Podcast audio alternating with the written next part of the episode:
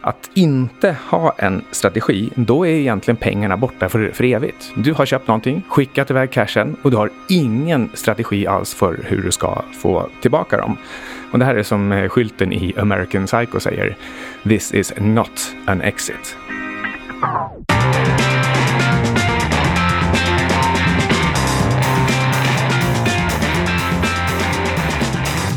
Hej! Du lyssnar på 25 minuter med Syding och Sundström. Det är jag som är Syding. Och jag som är Sundström. Idag ska vi prata om exit-strategier, alltså hur du får tillbaka dina investerade pengar.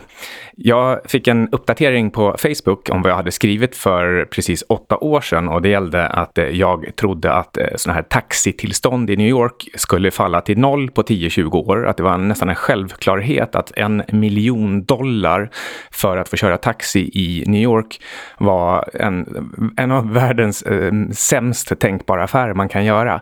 Med tanke på att Uber börjar spridas och att man också eventuellt kunde se självkörande bilar framför sig.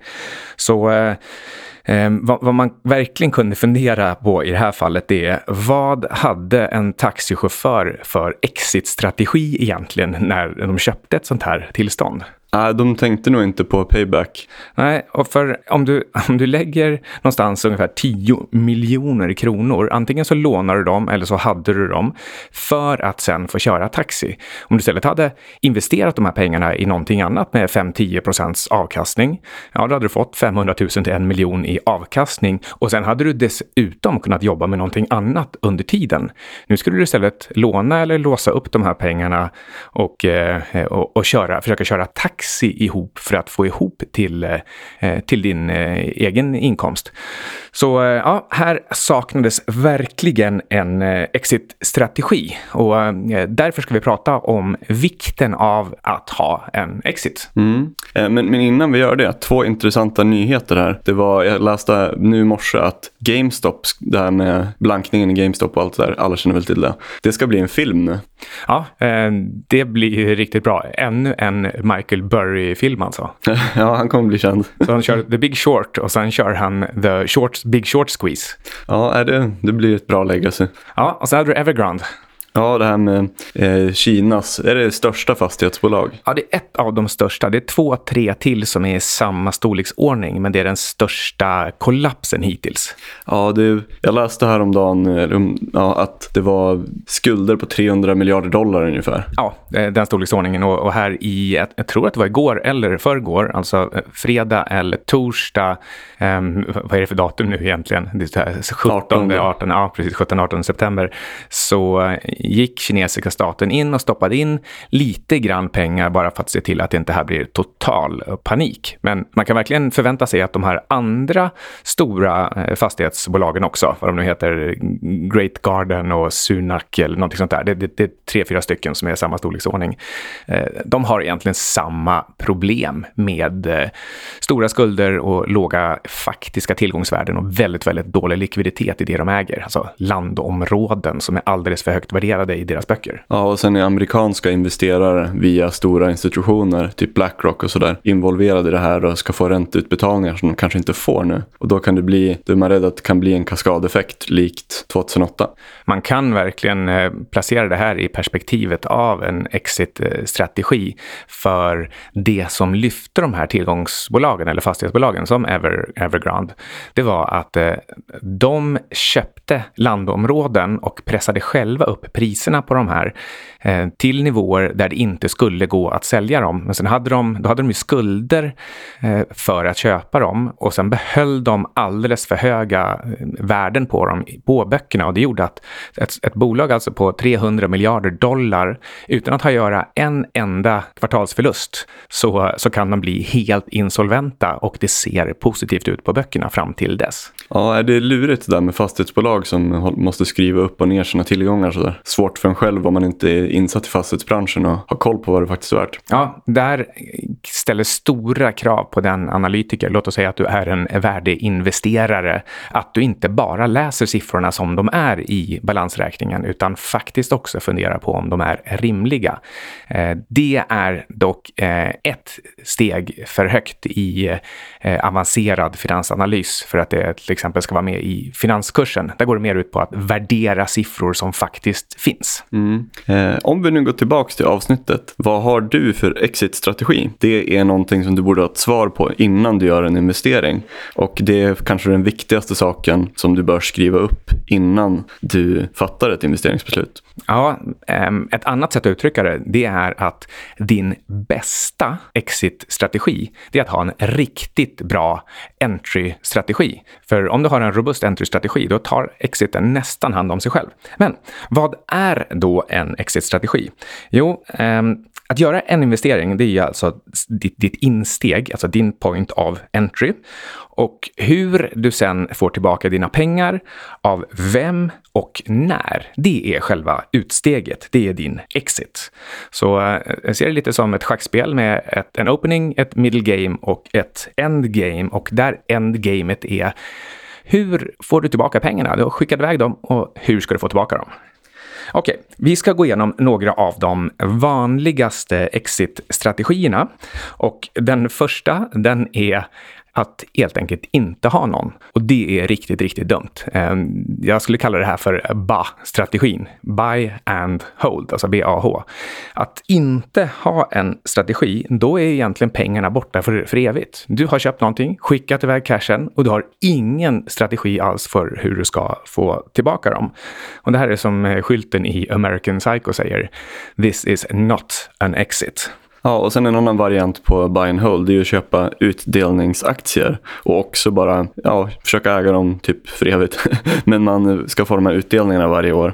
Och eh, då är ju poängen att du måste få tillbaka tillräckligt mycket utdelning för att det du köpte aktien för, ska, att du ska få tillbaka det. Och det kan ju ofta ta, om ett företag har ja, 5% direktavkastning tar det ju 20 år då till exempel. Eh, och då är det största misstaget man kan göra om man köper en utdelningsaktie att köpa dem när de är väldigt dyra i förhållande till direktavkastningen. Då är det mycket bättre att ha jättemycket tålamod och kanske vänta så här 3-4 år eller någonting, vänta på en krasch och sen köpa dem till ett väldigt lågt pris i förhållande till direktavkastningen. Om det nu är ett så stabilt bolag så att de inte har blivit påverkade. Och där var du ju faktiskt också inne på igen egentligen att, eh, att ha en robust entry.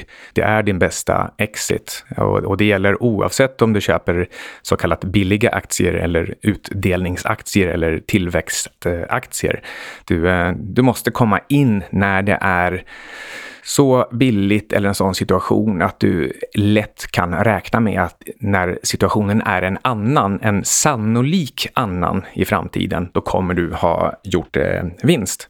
Men så, som du sa, eh, en utdelningsstrategi, det är någon slags eh, buy and hold-strategi, fast man faktiskt också har tänkt på att man måste få tillbaka pengarna i form av utdelning. Och det blir ju också sett eh, procent, både procentuellt men också i absoluta mått, det blir ju en väldigt stor stor skillnad över lång sikt som utdelningsinvesterare, säg plus 10 år liksom. Om du köper till väldigt lågt pris och så får du den här utkastningen, eh, av, avkastningen som förhoppningsvis också ökar med tiden. Om du har köpt bolaget väldigt billigt, typ som det här exemplet som du gav för ett tag sedan med Creditsafe. Att du nu får mer utdelning varje år än vad du köpte för. Eh, så ja, det är väldigt stor skillnad till ingångspriset man kommer in i sådana här utdelningsbolag det kanske är lite aggressivt av mig att säga att, eh, att ha ingen strategi och bara köra buy and hold, att det är helt fel.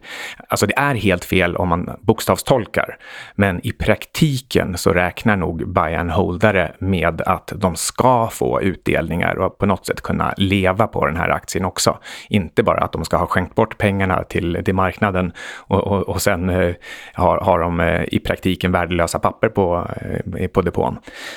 Men om vi går vidare till nästa. Nu har vi haft eh, ingen strategi, ba. Vi har haft utdelningsstrategi och så kommer vi till eh, tillväxtstrategi. Och det är nu vi börjar komma in på den här liksom, riktig fundamental värdering. För här handlar det då om att om du köper en aktie till en viss värdering idag och så räknar du med att men, värderingen kommer vara ungefär samma i framtiden. Alltså eh, pris per försäljningskrona eller pris per vinstkrona. Sådana här nyckeltal som heter price earnings, price sales och price book. Eh, du räknar med att själva värderingsmultipeln ska vara ungefär samma. Men du räknar också med att, att försäljningen eller vinsten ska växa mycket. Om den gör det, alltså om, om multipeln är samma i framtiden som nu, men själva fundamentaldatorna växer, ja, då kommer du kunna sälja den för så pass mycket mer som själva tillväxten är. Det här är liksom den grundläggande tillväxtstrategin. Men eh, då, då ja, det, det, ligger i strategin att ha koll på eh, att värderingsmultipeln inte förändras för mycket. För om du betalar en extremt hög eh, värderingsmultipel idag, då spelar det nästan ingen roll hur mycket eh, bolaget sen växer. Nej, och eh, som ett intressant exempel, det är väldigt många bolag som kommer till börsen med nyintroduktioner eller IPOs liksom sista ett och ett halvt eller två åren. Och väldigt många av dem är ganska dåliga bolag, som, eller i alla fall väldigt mediokra, som sen ska liksom, de har, försöker presentera sig som ett tillväxtcase. Eh, och eh, ja, men, jag kommer inte ihåg exakta siffrorna nu, men jag minns bara att jag reagerade på det när jag såg det för några månader sedan. De här Oatly som gjorde en introduktion och eh, så här, de kommer aldrig växa in i den värderingen. Det där är tyvärr ett eh, misstag som många gör på, på marknaden. Att man eh, följer någon slags eh, ganska bra grundråd att titta på bolaget, inte på aktien. Och så tittar man på bolaget och så ser man Oatly växer jättesnabbt. Ja, men om de växer med flera hundra procent per år, då kommer jag väl också tjäna flera hundra procent per år. Mm, men de har så dålig affärsmodell och låga marginaler att det kommer typ inte spela någon roll, för de har så höga kostnader det är inte skalbart nog. Och dessutom för hög värdering i förhållande till, eh, till starten. Just precis. Alltså från du, ja, vi behöver inte gå in på detaljerna där. Men om vi istället går vidare till värderingsansatsen, alltså att din exit är en uppvärdering. Det är också, alltså allting är farligt på sitt sätt eller bra på sitt sätt. Men eh, den går då till exempel ut på att du köper någonting idag som har ett, en låg multipel, alltså till exempel ett P tal på 5 eller 10. Och du tror tror att i framtiden så kommer multipeln stiga till någonting som är lite mer normalt och, och, och standard på börsen, kanske 15 eller 20. Det är på ett sätt en rimlig strategi, men det ställer också krav på att man har ett svar på varför ska den här uppvärderingen ske och varför var den lågt värderad idag? Ehm, men den här värderingsansatsen, den sitter också ihop vid höften kan man säga med tillväxtstrategin. För om du har ett, ett bolag som är lågt värderat för att det har haft en svår period och kanske växer väldigt långsamt eller till och med negativt, då har det en låg värdering. Men om tillväxten skulle accelerera i framtiden, då typiskt sett så brukar börsen också vilja värdera upp den så man både får en extra tillväxtskjuts och en högre värderingsmultipel. Ja, du hittar de där så, så kallade plötsliga turnaround-casen. Det är ju där, där kan man tjäna jättemycket pengar, men det är också väldigt svårt. Och i allmänhet när det kommer till det här med uppvärdering, det är eh, exempel på det är när det är stigande organisk tillväxt som gärna överträffar marknadens förväntningar. Kanske är det ett väldigt stort plötsligt nyhetsflöde av positiva nyheter som kommer väldigt fort så att det blir som en slags kaskadeffekt där det är inte 1 plus 1 är lika med 2 utan 1 plus 1 är lika med 3 för folk blir väldigt optimistiska. Eh, men problemet med det är att det kan vara väldigt tillfälligt så då kan den där uppvärderingen som egentligen borde tagit kanske två år gå på kanske sex månader och det är ett exempel på det man faktiskt kanske borde sälja av. Ja, eh, jag tror precis. Alltså, man ska ju framförallt hålla, hela tiden hålla koll på det här med att man har en värderingskomponent och en tillväxtkomponent. Man har ett tillstånd idag som man behöver förklara varför det är så idag. Och man har ett tänkt tillstånd imorgon och då måste man ha en förklaring på varför det tillståndet skulle vara så himla mycket annorlunda än idag det är ganska enkelt att anta att om någonting har vuxit 10% per år ganska stadigt historiskt, ja, men då växer det nog också ungefär 10% per år framåt om man inte har några riktigt starka anledningar till att det ska förändras. Och om man har haft en ganska stabil värderingsmultipel historiskt, ja, men då kan man också räkna med att den är ganska stabil i framtiden. Så budskapet är att inte göra allt för aggressiva antaganden om stora förändringar av historiska mönster. Och det är det jag tror både ehm, eh, tillväxtinvesterare och värderingsinvesterare gör fel. Man eh, man blir så, eh, så liksom tagen av sin egen modell att man, eh, man tänker att eh, eh, tillväxtkomponenten är den allra viktigaste eller värderingskomponenten är den allra viktigaste och att den kommer gå åt det håll man vill. Det kan också vara så att eh, man säger att det går sådär som man vill och då det är egentligen mot oddsen att det ska gå som sådär. Men det gör det om man får rätt på det. Då tror man att man är smartare än man är trots att det var kanske en låg sannolikhet att det skulle hända. Och då blir man övermodig och tror att man ska veta ännu mer i framtiden. När man kanske fortfarande har en väldigt låg sannolikhet att ha rätt. Men rent psykologiskt för att man blivit belönad för att ha gjort ett eh, osannolikt korrekt beslut så tror man att man ska göra mer rätt om ens totala investeringsstrategi och investeringsframtid ska bli robust och fungera, då är det precis här också som eh, investeringsanteckningarna kommer in. Det vill säga din entry-strategi. Eh, det du skrev ner var själva anledningen till att du gick in och eh, det sättet som du kom in på, om du verkligen kom in på något som kan robust kallas för billigt, då när du utvärderar i efterhand, då kan du också se om det var att du hade tur tur eller om det du gick in på faktiskt också materialiserades. All right. Nä nästa eh, eh, exit-strategi, den kallar jag för sköldpaddorna och eh, det är att hoppas att någon annan helt enkelt ska köpa aktien dyrare av dig eh, än, än vad du eh, betalade för den. Du köper den för 100, du hoppas att någon ska köpa den för 120 i framtiden. Men du har ingen riktig idé om varför denna någon ska köpa den för 120. Möjligen tänker du att ja, men han vill väl sen sälja den för 140 till, till någon tredje. Men, men ingen i den här kedjan har någon fundamental anledning, ingen genomtänkt strategi. De har ingen exit-strategi annat än att det ska finnas ännu en person längre down the line. Och, det är det här som brukar kallas för att det är sköldpaddor hela vägen ner. Eh, det kommer från den här eh, världsbeskrivningen att det står eh, fyra elefanter på en sköldpadda. Det är så liksom, universum ser ut. Och, så frågan vad, vad står sköldpaddan på? Det står på en annan sköldpadda och sen och så vidare. Och det är sköldpaddor hela vägen ner. Ja, det finns inget riktigt svar.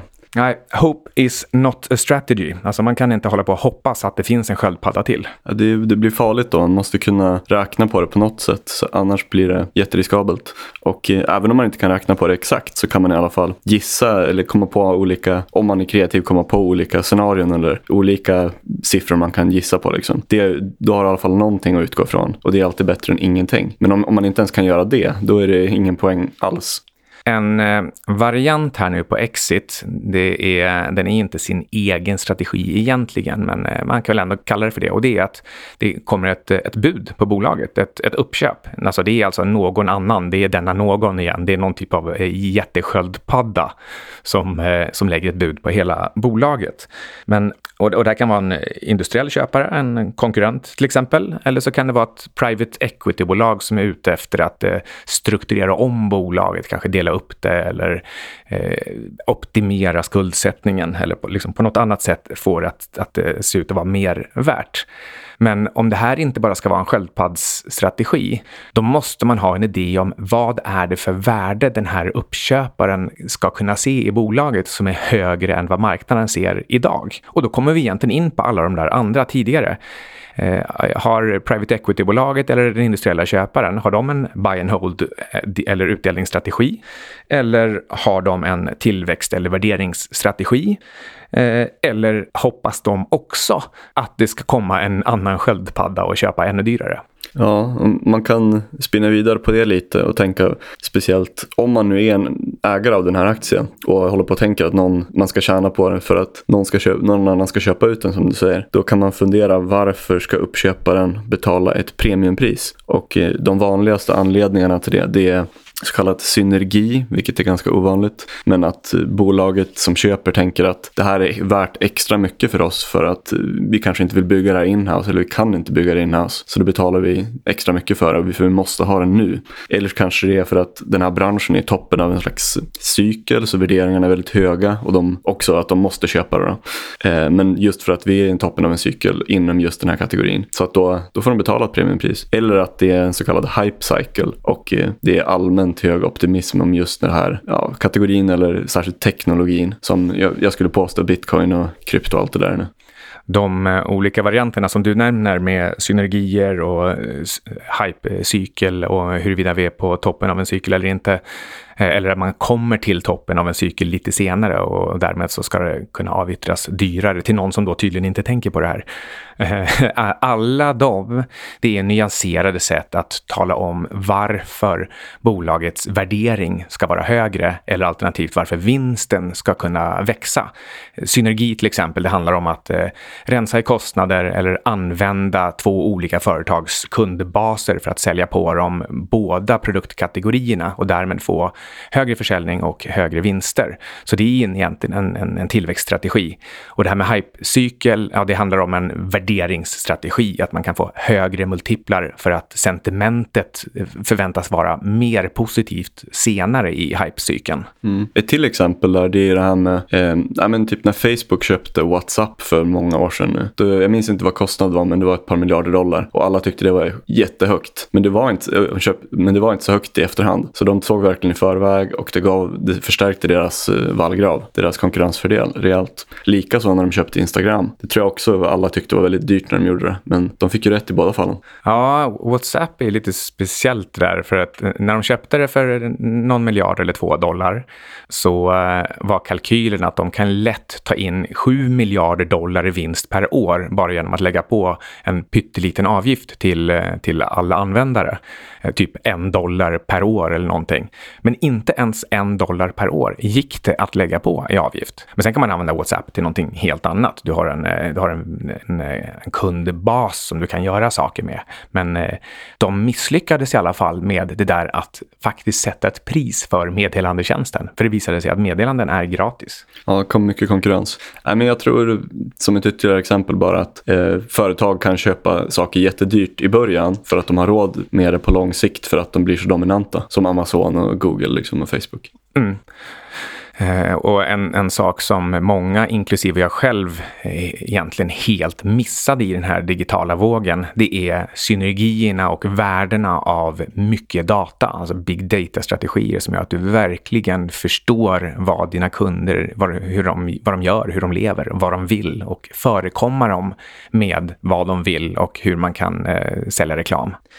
All right. Eh, en lite filosofisk eh, vinkel här på exit, det är ju vad man själv egentligen har för ultimat eh, exit. Och det är om man eh, eh, bara helt enkelt vill bli rik för att man ska kunna leva ett liv i lyx eller lättja, eller om man vill kunna ägna sig åt välgörenhet eller vara generös mot kompisar. Eh, en, eh, en variant här, det är som i den här norska tv-serien Exit. Där står det ordet exit för att äntligen göra en sista jätteaffär så man blir så rik att man eh, verkligen inte behöver behöver jobba längre, för man hatar ju sitt jobb. Och eh, FIRE-rörelsen är ju rätt eh, likartad. I, ibland är den väldigt, väldigt sund, att man inte ska vara med i det här rat-racet utan eh, skala ned sitt leverne, sina kostnader och sina intäkter så att man inte behöver gå till ett trist kontorsjobb utan kan eh, leva i lugn och ro med, med familjen. Men ibland så blir det också lite George Costanza över det. Hur menar du då? Ja, George Costanza i den gamla tv-serien Seinfeld, han kunde liksom nästan förstöra sitt liv. Alltså han verkligen eh, gav sig själv dålig, låg livskvalitet för att slippa just jobba. Och det innebar ju att han i, i praktiken så jobbade han ju oerhört hårt genom att krypa i i eh, lufttrummor och smutsa ner sig och anstränga sig fysiskt. Bara för att lyckas ta sig in på sitt kontor som han är utlåst från för att sen där kunna sitta av tiden och, och, få en lön. Så han jobbade ju mer än någon annan för att slippa jobba. Och det blir paradoxalt och ja, inte så smart tycker jag. Ja, det hade kanske varit bättre att jobba jättehårt i början och sen ja, överkompensera genom att jobba extra hårt i början och sen ha mer fritid. Ja, jag tycker att en eh, kanske bättre ansats på hela det här med, med att vara finansiellt oberoende och, och, kunna sluta tvingas göra saker och istället ha tid och resurser att göra precis de saker man vill, alltså en annan slags FIRE. Eh, det är att eh, ehm, ja, men, eh, hitta extra inkomster, eh, undvika onödiga utgifter men utan att förstöra sin livskvalitet och sen skapa ett bra nästägg tidigt i livet som man sen kan eh, ja, använda för att eh, ge sig själv möjlighet att, att ägna sig åt precis det man vill. Ja, um, ska vi gå till uh, en sista fråga här när det kommer till exit. När ska man sälja en aktie som har gått bra? Uh, det enklaste svaret är väl kanske om den blivit för dyr eller om du tydligt har ett bättre alternativ. Och om du tydligt har ett bättre alternativ då kanske du inte behöver vänta till absoluta toppen. Liksom. Nej, den kanske inte behöver bli dyr i sig så länge den bara har blivit tydligt dyrare än dina alternativ.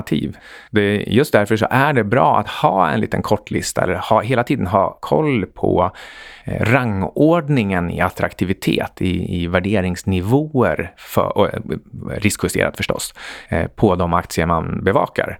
Um, men eh, lite ingår här väl i den här, eh, den här frågan att eh, man måste inte sälja en aktie som har gått bra bara för att den har blivit lite för dyr.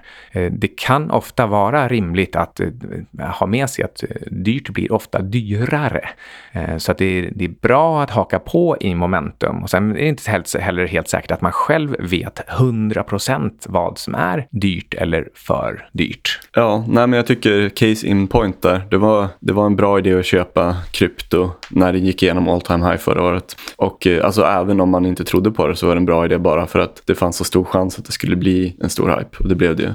Och sen liknande lite nu med uran. Nu har det visserligen gått upp väldigt mycket väldigt snabbt men det kommer nog antagligen gå upp väldigt mycket mer på ett år. Ja, ehm många saker att tänka på här. Just när du nämner uran så där slits jag verkligen. En del av mina innehav har gått upp eh, ja, men 100 till 200 procent på väldigt kort tid, några veckor och upp mer än 400 procent på, på något år. Eh, det är väldigt, väldigt snabbt och det är ganska sällan som eh, eh, en aktie håller de nivåerna utan en rejäl setback. Å andra sidan så tror jag att de här aktierna är fortfarande extremt billiga sett ur två års perspektiv. Eh, så, så här blir det verkligen en fråga om eh, att försöka bedöma och rangordna eh, attraktiviteten mellan andra sådana superinvesteringsalternativ som jag också har. Men eh, vi kan gå tillbaka till en eh, spegelbilden till frågan om när du ska sälja en aktie som gått bra. Det är när ska du eh, eh sälja en aktie som har gått dåligt istället? Och då har vi Oscar Properties som, eh, som exempel. Mm. Hur tänker du där? Ja, alltså när jag gjorde min analys av Oscar så tittade jag på eh, hur de vred om verksamheten lite grann, rensade upp i gammalt skräp. Eh, det kom in nya investerare, till exempel Mats Kviberg och Sven-Olof Johansson. Det här tycker jag borgade för att eh, de både skulle få upp tillväxttakten i Oscar Properties och ta ner risken genom att eh, vrida om själva eh, fastighetsexponeringen och eh, vad de, hur de skulle förvalta och bygga och relationen mellan förvaltning och byggande. Ehm, det handlade också om att jag trodde att då, då skulle de här åtgärderna eh, öka marknadens förtroende så att den även skulle börja värderas mer mot eh, en gånger substansvärdet snarare än, eh, än en halv eller under en halv. Alla de här ehm, faktorerna, de kvarstår. Oscar Properties ser fortfarande oerhört billigt ut och det är samma personer inblandade och det är samma verksamhet. Det är ett bra nyhetsflöde kring affärer de gör. Och ändå ändå har kursen fallit, ja, kanske inte riktigt som en sten, men, men som en skadeskjuten kråka. Och, eh, den, var lik, den är lika låg nu som den var precis innan uppvärderingen, den, den första uppvärderingen. Ja, ja. och, och vad, vad, gör man då? Ja, det är förstås ett... Marknaden sänder någon typ av signal. Den berättar för dig att det är massa andra personer som har tröttnat och som inte tror på Oscar Properties.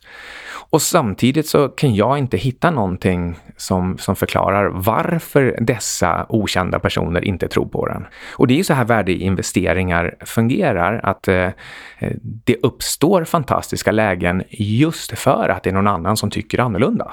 Eh, jag tror fortfarande att Oscar Properties är eh, sannolikt en jättebra investering.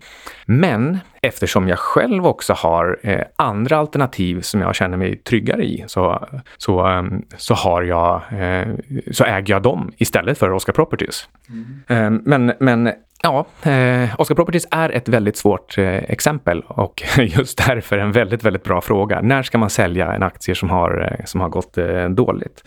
Och eh, ja, om man inte har så många alternativ, då tycker jag verkligen inte att man ska sälja Oscar Properties. Men om man känner att eh, ens, eh, ens mentala hälsa är på, på spel eller att man inte själv riktigt har förmågan att avgöra om det är billigt eller dyrt, ja, men då ska man inte hålla någonting som bara tickar neråt hela tiden, för då är situationen utom kontroll. Mm, eller ska man ha en tidshorisont på några år?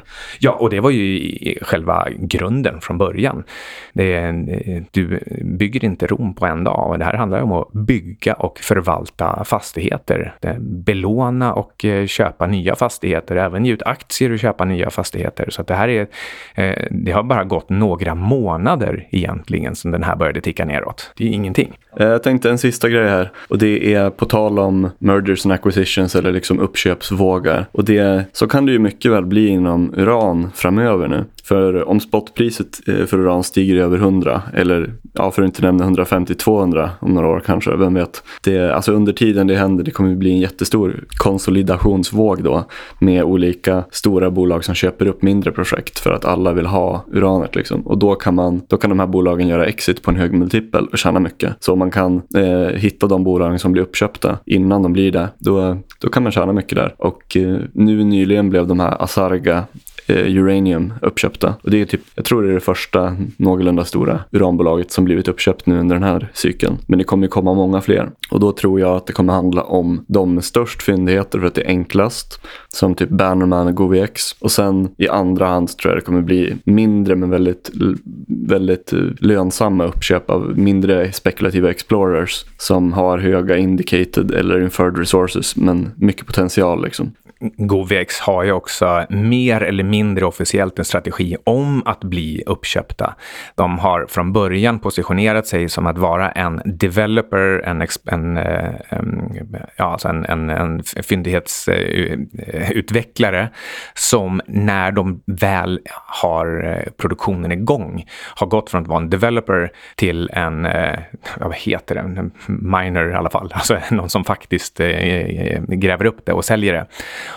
Och då brukar man få en enorm eh, värderingsförändring. Och, och eh, i all gruvindustri så är det så att eh, eh det, eftersom det tar så lång tid att, eh, att prospektera en gruva och få igång den, så när det väl är fart i marknaden, då köper man hellre de här, de här mindre som redan är en bit på väg. Och det här sker i, inom järnmalm och koppar och inte minst guld.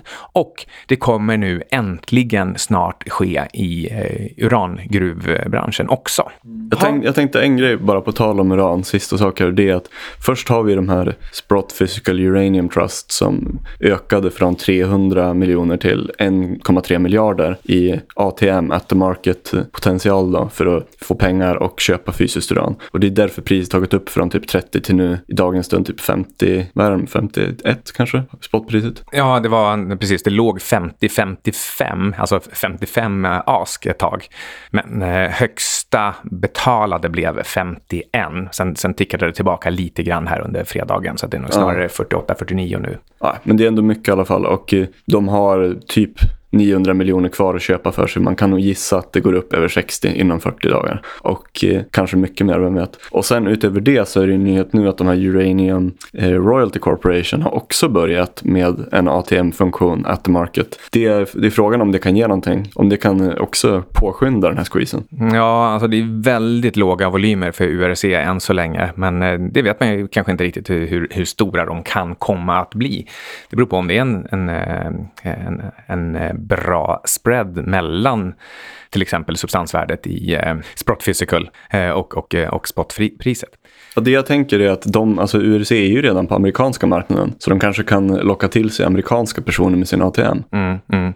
Ja, hur som helst. Ehm, det återstår att se hur stort URCs köpande kan bli. Än så länge är det väldigt marginellt. Mm, men det är väldigt nytt också. Ja, men det var väl allt för oss den här veckan.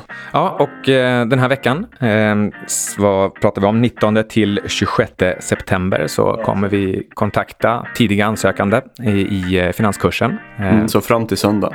Ja, och eh, nästa vecka efter det så öppnar hemsidan för alla som inte redan har gjort en tidig ansökan och då kan man alltså eh, ja, komma utifrån och ta de sista platserna. Glöm inte att checka in finanskursen.se om du inte har gjort det tidigare. Tack och hej. Hej!